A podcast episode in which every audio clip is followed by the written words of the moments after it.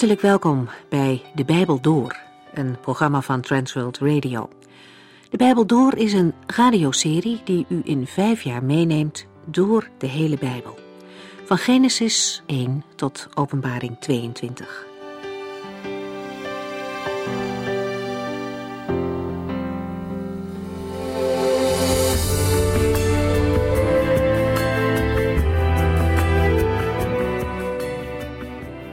Fijn dat u vandaag weer luistert. In deze serie lezen we de eerste brief aan de Thessalonicenzen. Het onderwerp uitverkiezing is al even aan de orde geweest. Paulus schrijft de gemeente dat hij weet dat God van hen houdt en hen heeft uitgekozen. Al voor de schepping er was, koos God mensen uit. Niet in de zin van die wel en die niet, zoals het soms wordt uitgelegd, maar God nam het initiatief al lang voordat wij er waren. En dat is een reden om blij te zijn, om te zingen. Paulus legt in de volgende verse, hoofdstuk 1, vers 5 en 6, uit waarom hij er zeker van is dat de Thessalonicenzen ook uitverkoren zijn. Hij verwijst terug naar het moment dat zij het evangelie hoorden. Zij zagen dat de boodschap waar was, omdat het gedrag van de predikers overeenkwam met wat ze zeiden. En vervolgens namen zij het woord van harte aan ze geloofden de waarheid die hen verteld werd. De situatie waarin zij tot geloof kwamen was niet makkelijk. Er was veel weerstand in hun omgeving, zodat er meteen sprake was van vervolging. En toch namen deze mensen met blijdschap het woord van God aan en werden zij volgelingen van Christus. Het lijken soms tegengestelde dingen, lijden en blijdschap. In de Bijbel zien we veel meer voorbeelden van mensen die een moeilijk leven hadden, maar daarin dicht bij God leefden en van binnen echte vrede en blijdschap kenden. Het is een blijdschap die door God zelf gegeven wordt, onafhankelijk van de omstandigheden. We lezen verder in 1 Thessalonicense hoofdstuk 1.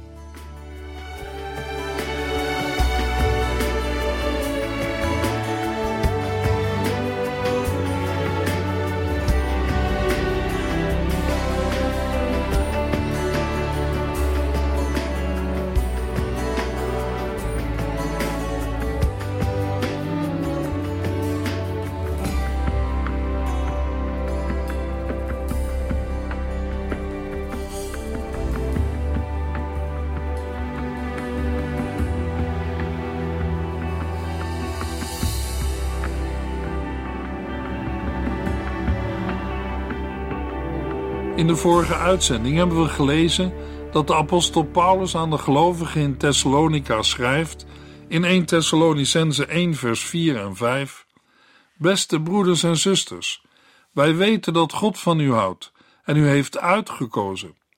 Want toen wij u het goede nieuws brachten, was dat niet alleen met woorden. Het gebeurde ook met kracht en door de Heilige Geest. U had de absolute zekerheid dat wat wij zeiden waar was. U weet ook hoe uit ons optreden bleek dat wij u voor de Here wilden winnen. De liefde die van de Here uitgaat, schept nieuwe banden. Mensen worden aan elkaar toevertrouwd als broeders en zusters. Zij hebben elkaar niet uitgekozen, maar zijn door de Here uitgekozen. Het geliefd en uitverkoren zijn is met elkaar verweven.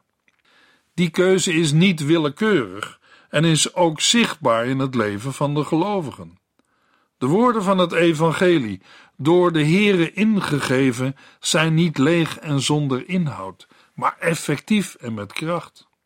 De Thessalonicenzen zijn navolgers geworden van de Heer Jezus Christus. Het komt in vers 5 tot uitdrukking in de woorden: U had de absolute zekerheid dat wat wij zeiden waar was. Het was voor de Thessalonicenzen ook duidelijk wat de bedoelingen van Paulus en zijn medewerkers was. Zij wilden hen voor de Here winnen. 1 Thessalonicense 1 vers 6 Zo werd u volgelingen van ons en van de Here. Want u hebt onze boodschap met de blijdschap van de Heilige Geest aangenomen, ondanks de grote moeilijkheden die u ondervond. De reactie van de Thessalonicenzen op het evangelie is de tweede reden waardoor Paulus weet dat de Heere de gelovigen in Thessalonica heeft uitverkoren. In vers 6 is volgelingen of navolgers het centrale thema. Het Griekse woord betekent letterlijk imitatoren. In 1 Thessalonicense 2 vers 4 zegt Paulus hetzelfde, maar dan van zichzelf en de andere medewerkers. Hij schrijft: Wij spreken als boodschappers van God. Hij heeft het ons toevertrouwd de waarheid bekend te maken. Wij vertellen de mensen niet wat zij graag willen horen, maar wat God ons opdraagt. Een volgeling of navolger van Christus heeft de boodschap niet zelf bedacht en heeft ook niet de vrijheid de boodschap van de Heer aan te passen. Hij moet doen wat God hem opdraagt. Zo werd u volgelingen van ons en van de Heer. Met het woordje ons stelt Paulus zichzelf en zijn medewerkers als voorbeeld, maar hij zelf en alle andere gelovigen zijn ten diepste navolgers van de Heer Jezus Christus. We lezen vaker dat de apostel zichzelf als voorbeeld stelt. Bijvoorbeeld in 1 Corinthiërs 11 vers 1. Volg mijn voorbeeld, vrienden, zoals ik het voorbeeld van Christus volg. Als ook in Gelaten 4 vers 12. Beste vrienden, stelt u zich eens voor in mijn plaats, zoals ik mij in uw plaats heb gesteld. De gelovigen volgen Christus na door het lijden met blijdschap te dragen, zoals ook Christus deed en zoals ook Paulus in de gevangenis had gedaan. In Hebreeën 12, vers 2 tot en met 4 worden de gelovigen opgeroepen om naar Christus te blijven kijken. Daarbij moeten wij blijven kijken naar Jezus, die ons de weg wijst. Hij is het doel van ons geloof. Hij kon zich aan het kruis laten slaan en de schande negeren, omdat hij wist welke blijdschap hem te wachten stond. En nu zit hij aan de rechterzijde van de troon van God. Denk aan hem die zoveel heeft doorstaan, zodat je niet verzwakt of onverschillig wordt. Hij heeft verdragen dat slechte mensen vreselijke dingen van hem zeiden.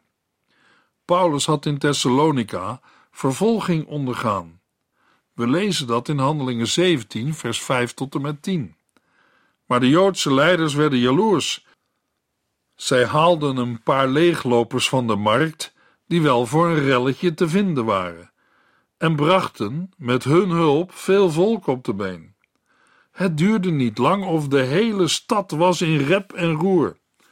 Ze gingen naar het huis van Jason om Paulus en Silas te halen en aan de opgezweepte menigte over te leveren. Toen zij hen niet vonden, sleurden zij Jason en enkele andere christenen voor het stadsbestuur. Er zijn hier twee mannen gekomen, schreeuwden zij, die de hele wereld op zijn kop zetten. Jason heeft ze in huis genomen. Weet u wat ze allemaal beweren? dat een zekere Jezus koning is in plaats van de keizer. Zij zijn vijanden van de staat. Toen het stadsbestuur en de toegelopen mensen dat hoorden, raakten zij in de war. Jason en de andere christenen moesten eerst een borgsom betalen alvorens te worden vrijgelaten. Zodra het donker was, brachten de christenen Paulus en Silas vlug de stad uit en zeiden dat ze naar Berea moesten gaan. Ook na het vertrek van Paulus en Silas of Silvanus werd de christengemeente in Thessalonica nog steeds vervolgd. In 1 Thessalonicense 2 vers 17 en 18 schrijft Paulus: Broeders en zusters, nadat wij u een tijd alleen moesten laten, wel uit het oog, maar niet uit het hart, hebben wij erg ons best gedaan weer naar u terug te keren. Wij verlangden naar u en wilden heel graag naar u toe. Ik, Paulus, heb het keer op keer geprobeerd, maar Satan hield ons tegen. In 1 Thessalonicense 3 lezen we dat de apostel schrijft: Ten slotte kon ik het niet langer uithouden. Het leek mij het beste om zelf alleen in Athene achter te blijven en onze broeder Timotheus naar u toe te sturen. Hij is een medewerker van God in de verbreiding van het goede nieuws van Christus. Ik heb hem gevraagd u te versterken en te bemoedigen om te voorkomen dat deze moeilijkheden u van het geloof zouden afbrengen. Maar u weet natuurlijk wel dat zulke dingen een deel zijn van Gods plan met ons. Want toen wij nog bij u waren, hebben wij u van tevoren gewaarschuwd dat wij moeilijkheden zouden krijgen. En dat is uitgekomen. Later schrijft Paulus in 2 Thessalonicense 1 vers 4 Wij vertellen de andere gemeenten van God vol trots hoe geweldig u volhoudt en hoe sterk uw geloof is, ondanks alle vervolgingen en moeilijkheden die u te verduren krijgt. Paulus bemoedigt de Thessalonicense met de woorden: Zo werd u volgelingen van ons en van de Heer, want u hebt onze boodschap met de blijdschap van de Heilige Geest aangenomen, ondanks de grote moeilijkheden die u ondervond. Blijdschap is in vers 6 een vreugde die door de Heilige Geest is bewerkt, de Geest die in de gelovigen woont. Moeilijkheden en blijdschap zijn twee woorden die lijnrecht tegenover elkaar staan. Ze zijn even ver van elkaar verwijderd als het oosten van het westen. Voor ons gevoel horen ze niet bij elkaar. Toch zet de apostel Paulus ze in vers 6 naast elkaar. Hij weet waar hij over spreekt. Ook in zijn leven was het een werkelijkheid. Hij kende de moeilijkheden en verdrukkingen die de verkondiging van het evangelie met zich meebracht. Maar tegelijkertijd ervoer hij de vreugde van de Heer in zijn hart, omdat een gelovige weet welke blijdschap er voor hem ligt. Geeft die hoop hem kracht om in moeilijkheden vol te houden. Lijden kan een mensenleven bedreigen en beïnvloeden, maar Gods heerlijke toekomst kan een mens daarbovenuit tillen. 1 Thessalonicense 1 vers 7 En u bent weer een voorbeeld geworden voor alle andere christenen in Macedonië en Achaïe. Als resultaat van het aannemen van de blijde boodschap van Christus zijn de Thessalonicenzen ook zelf navolgers en leesbare brieven van Christus geworden. Daardoor zijn de andere Griekse gelovigen niet zozeer navolgers van Paulus, maar navolgers van de Thessalonicenzen. Het Griekse woord voor een voorbeeld betekent een afdruk van een zegel of een stempel of een gietvorm. In figuurlijke zin betekent het een voorbeeld ter navolging. In Macedonië liggen de steden Filippi, Thessalonica en Berea. In Achaïe de steden Korinthe en Athene. Samen vormen Macedonië en Achaïe heel Griekenland. Van de gelovigen in Thessalonica wordt een prachtig getuigenis gegeven. U bent een voorbeeld voor alle andere christenen. Luisteraar, zijn wij zelf en onze gemeente of kerk een getuigenis voor anderen?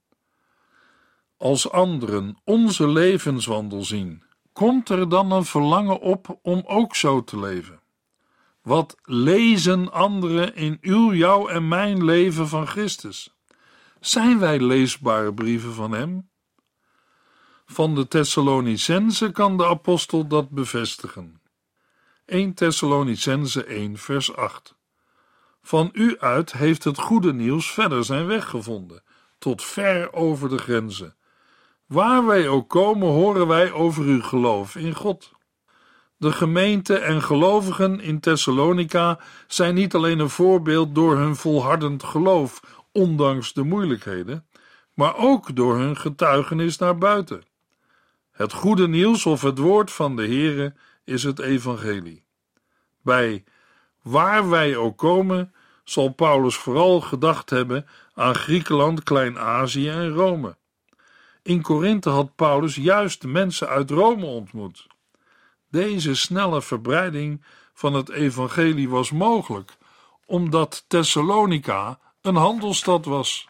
Van u uit of uit uw midden bedoelt niet te zeggen dat de Thessalonicense zendelingen uitzonden, maar dat zij van hun vele internationale contacten gebruik maakten om het evangelie te verkondigen. Heel de gemeente was zich haar zendingsroeping bewust. Zij verkondigden niet zichzelf, maar het goede nieuws van Christus.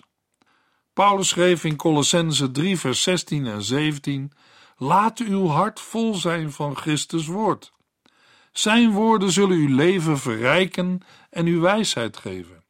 Leer ze aan elkaar, wijs elkaar ermee terecht en zing erover in psalmen, lofzangen en geestelijke liederen. Zing zo met een dankbaar hart voor de Heere. Wat u ook zegt of doet, doe het in de naam van de Heer Jezus en dank ook God, de Vader, in zijn naam. Paulus schrijft aan de Thessalonicense: Waar wij ook komen, horen wij over uw geloof in God. De woorden uw geloof in God staat voor het hele leven als christen. Het wordt in vers 9 en 10 door Paulus verder uitgewerkt.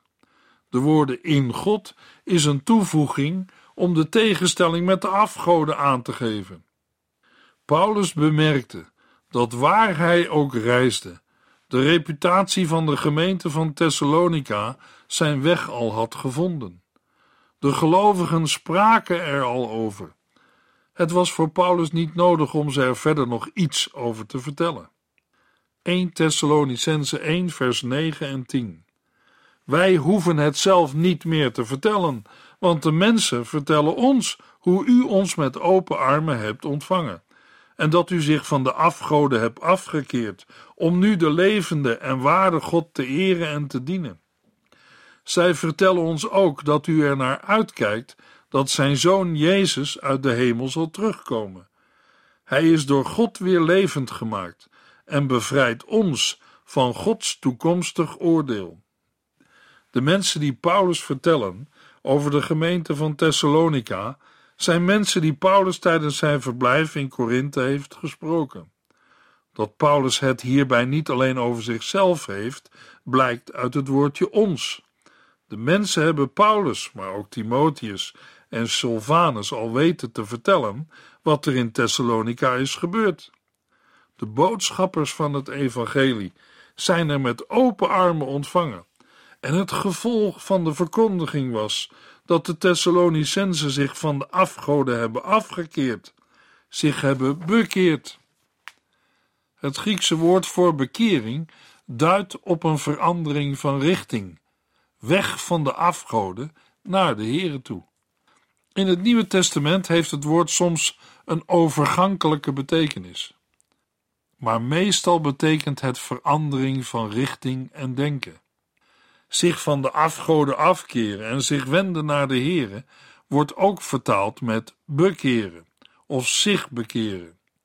Dat apostel Paulus over afgoden spreekt, toont aan dat de gemeente meer christenen van niet-Joodse afkomst stelde dan christenen uit de Joden.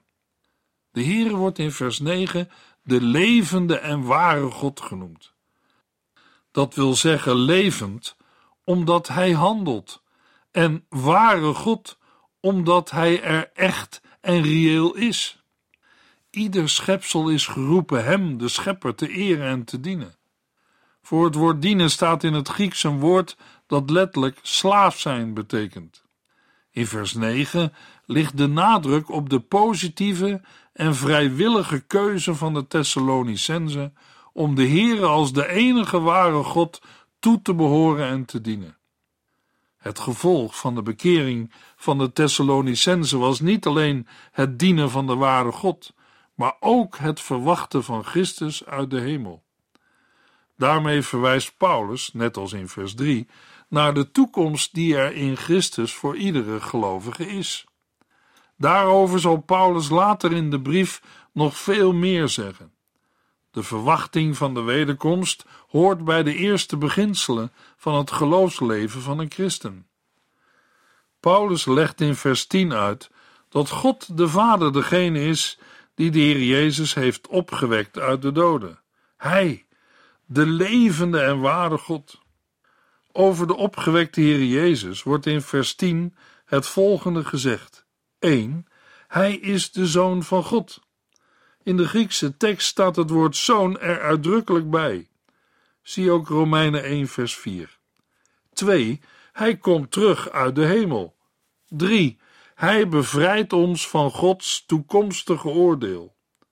Bedoeld is het rechtvaardig oordeel van de Heere over de ongelovige wereld als Christus terugkomt. Laten we het laatste punt nog wat breder uitwerken. In 1 Thessalonicense 5 schrijft Paulus over de dag dat de Heer Jezus Christus terugkomt. 1 Thessalonicense 5 vers 1 tot en met 3. Ik hoef u niet te schrijven wanneer en onder welke omstandigheden dit allemaal zal gebeuren, vrienden. U weet immers dat de grote dag van de Heere geheel onverwacht komt, als een dief in de nacht. Terwijl de mensen zeggen: er is rust en vrede, er dreigt geen enkel gevaar, zal de vernietiging hem plotseling overvallen, zoals weeën een zwangere vrouw. Zij zullen nergens heen kunnen vluchten. Luisteraar, pogingen om de datum van Christus wederkomst vast te stellen zijn dwaas. Laat u niet misleiden door mensen die zeggen het te weten. Paulus schrijft aan de Thessalonicenzen dat de grote dag van de Here geheel onverwacht komt, als een dief in de nacht. Wees daarom klaar, verwacht hem ieder moment. Als de heiland vandaag zou terugkomen, in welke toestand treft hij uw, jou en mijn leven dan aan? Leven wij zo dat wij elke dag klaar zijn om hem te verwelkomen? De grote dag van de Heere is niet alleen iets van het Nieuwe Testament. Deze dag werd in het Oude Testament al voorzegd en besproken. De grote dag van de Heere is het moment in de toekomst waarop God direct en dramatisch ingrijpt in het wereldgebeuren. Deze grote dag van de Heere zal zowel straf als zegen geven. Dan zal Christus de zonde oordelen en zijn eeuwig koninkrijk vestigen. Paulus schrijft verder in 1 Thessalonicense 5 vers 4 tot en met 9. Broeders en zusters, u leeft echter niet in het donker. Die dag zal u niet overvallen als een dief, want u bent allemaal kinderen van het licht, kinderen van de dag. Wij hebben niets te maken met de nacht en het donker. Daarom moeten wij altijd op onze hoede zijn en niet slapen zoals de anderen. Kijk naar die dag uit en blijf nuchter. In de nacht slapen de mensen en bedrinken de dronkaard zich. Maar laten wij, die bij de dag horen, nuchter blijven. Wij moeten onszelf beschermen met het harnas van geloof en liefde en met de helm van de hoop op het heil. Want God heeft ons niet bestemd om door Hem bestraft te worden, maar om gered te worden door onze Heer Jezus Christus.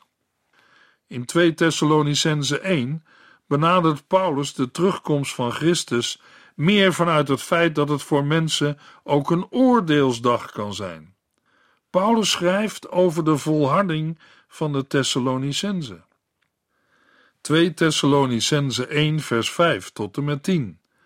Daaruit blijkt dat God rechtvaardig in zijn oordeel is. Want u die ter wille van hem leidt, zult zeker in zijn koninkrijk komen. Hij zal de mensen straffen voor wat zij u aandoen. Dat is rechtvaardig. En het is ook rechtvaardig dat hij u, die het nu moeilijk hebt, uit de nood zal helpen.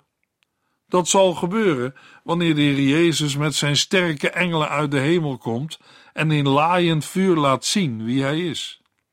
Dan zal hij allen straffen die niets van God willen weten en hun oren dicht houden voor het goede nieuws van onze Heer Jezus. Hun straf zal de eeuwige veroordeling zijn. Ze zullen voorgoed van de Heere en zijn ontzagwekkende macht gescheiden worden. Dat zal gebeuren op de grote dag waarop Hij komt om geëerd te worden te midden van hen die Hem toebehoren en bewonderd te worden te midden van hen die op Hem vertrouwd hebben. En u zult daarbij zijn, omdat u hebt geloofd wat wij u over Hem hebben verteld. Luisteraar, deze dingen gelden niet alleen voor de gelovigen uit Thessalonica, maar ook voor de gelovigen van vandaag. Gelooft u in de Heer Jezus Christus? Bent u klaar voor de ontmoeting met Hem?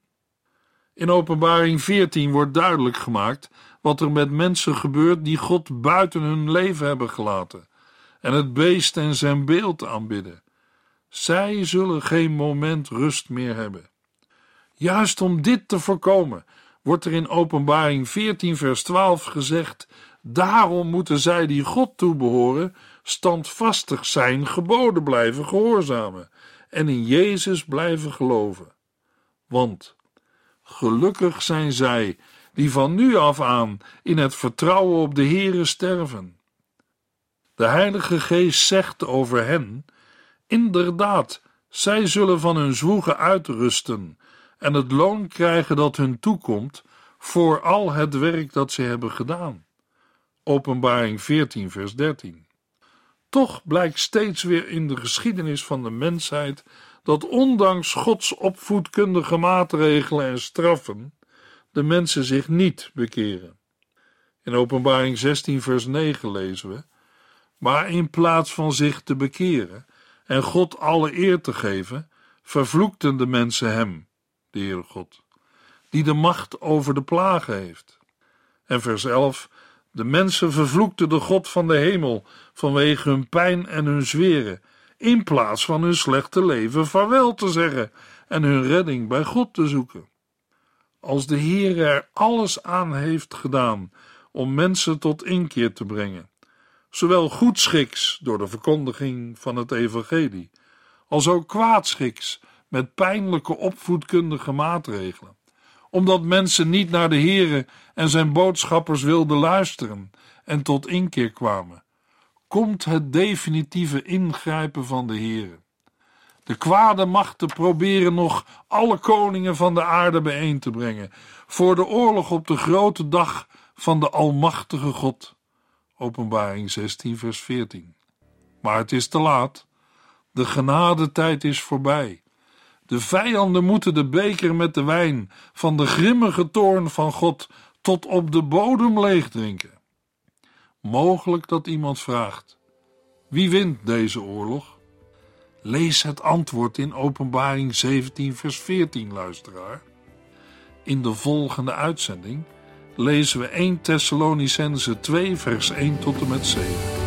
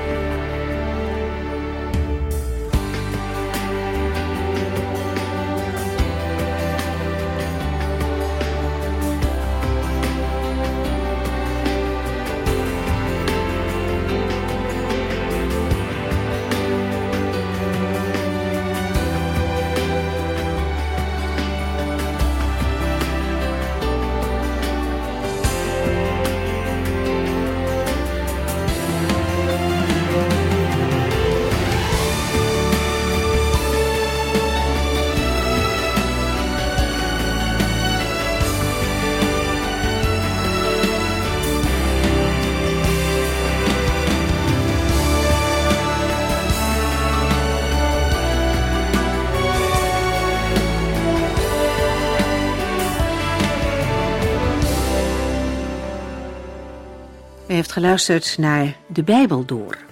In het Nederlands vertaald en bewerkt door Transworld Radio. Een programma waarin we in vijf jaar tijd de hele Bijbel doorgaan.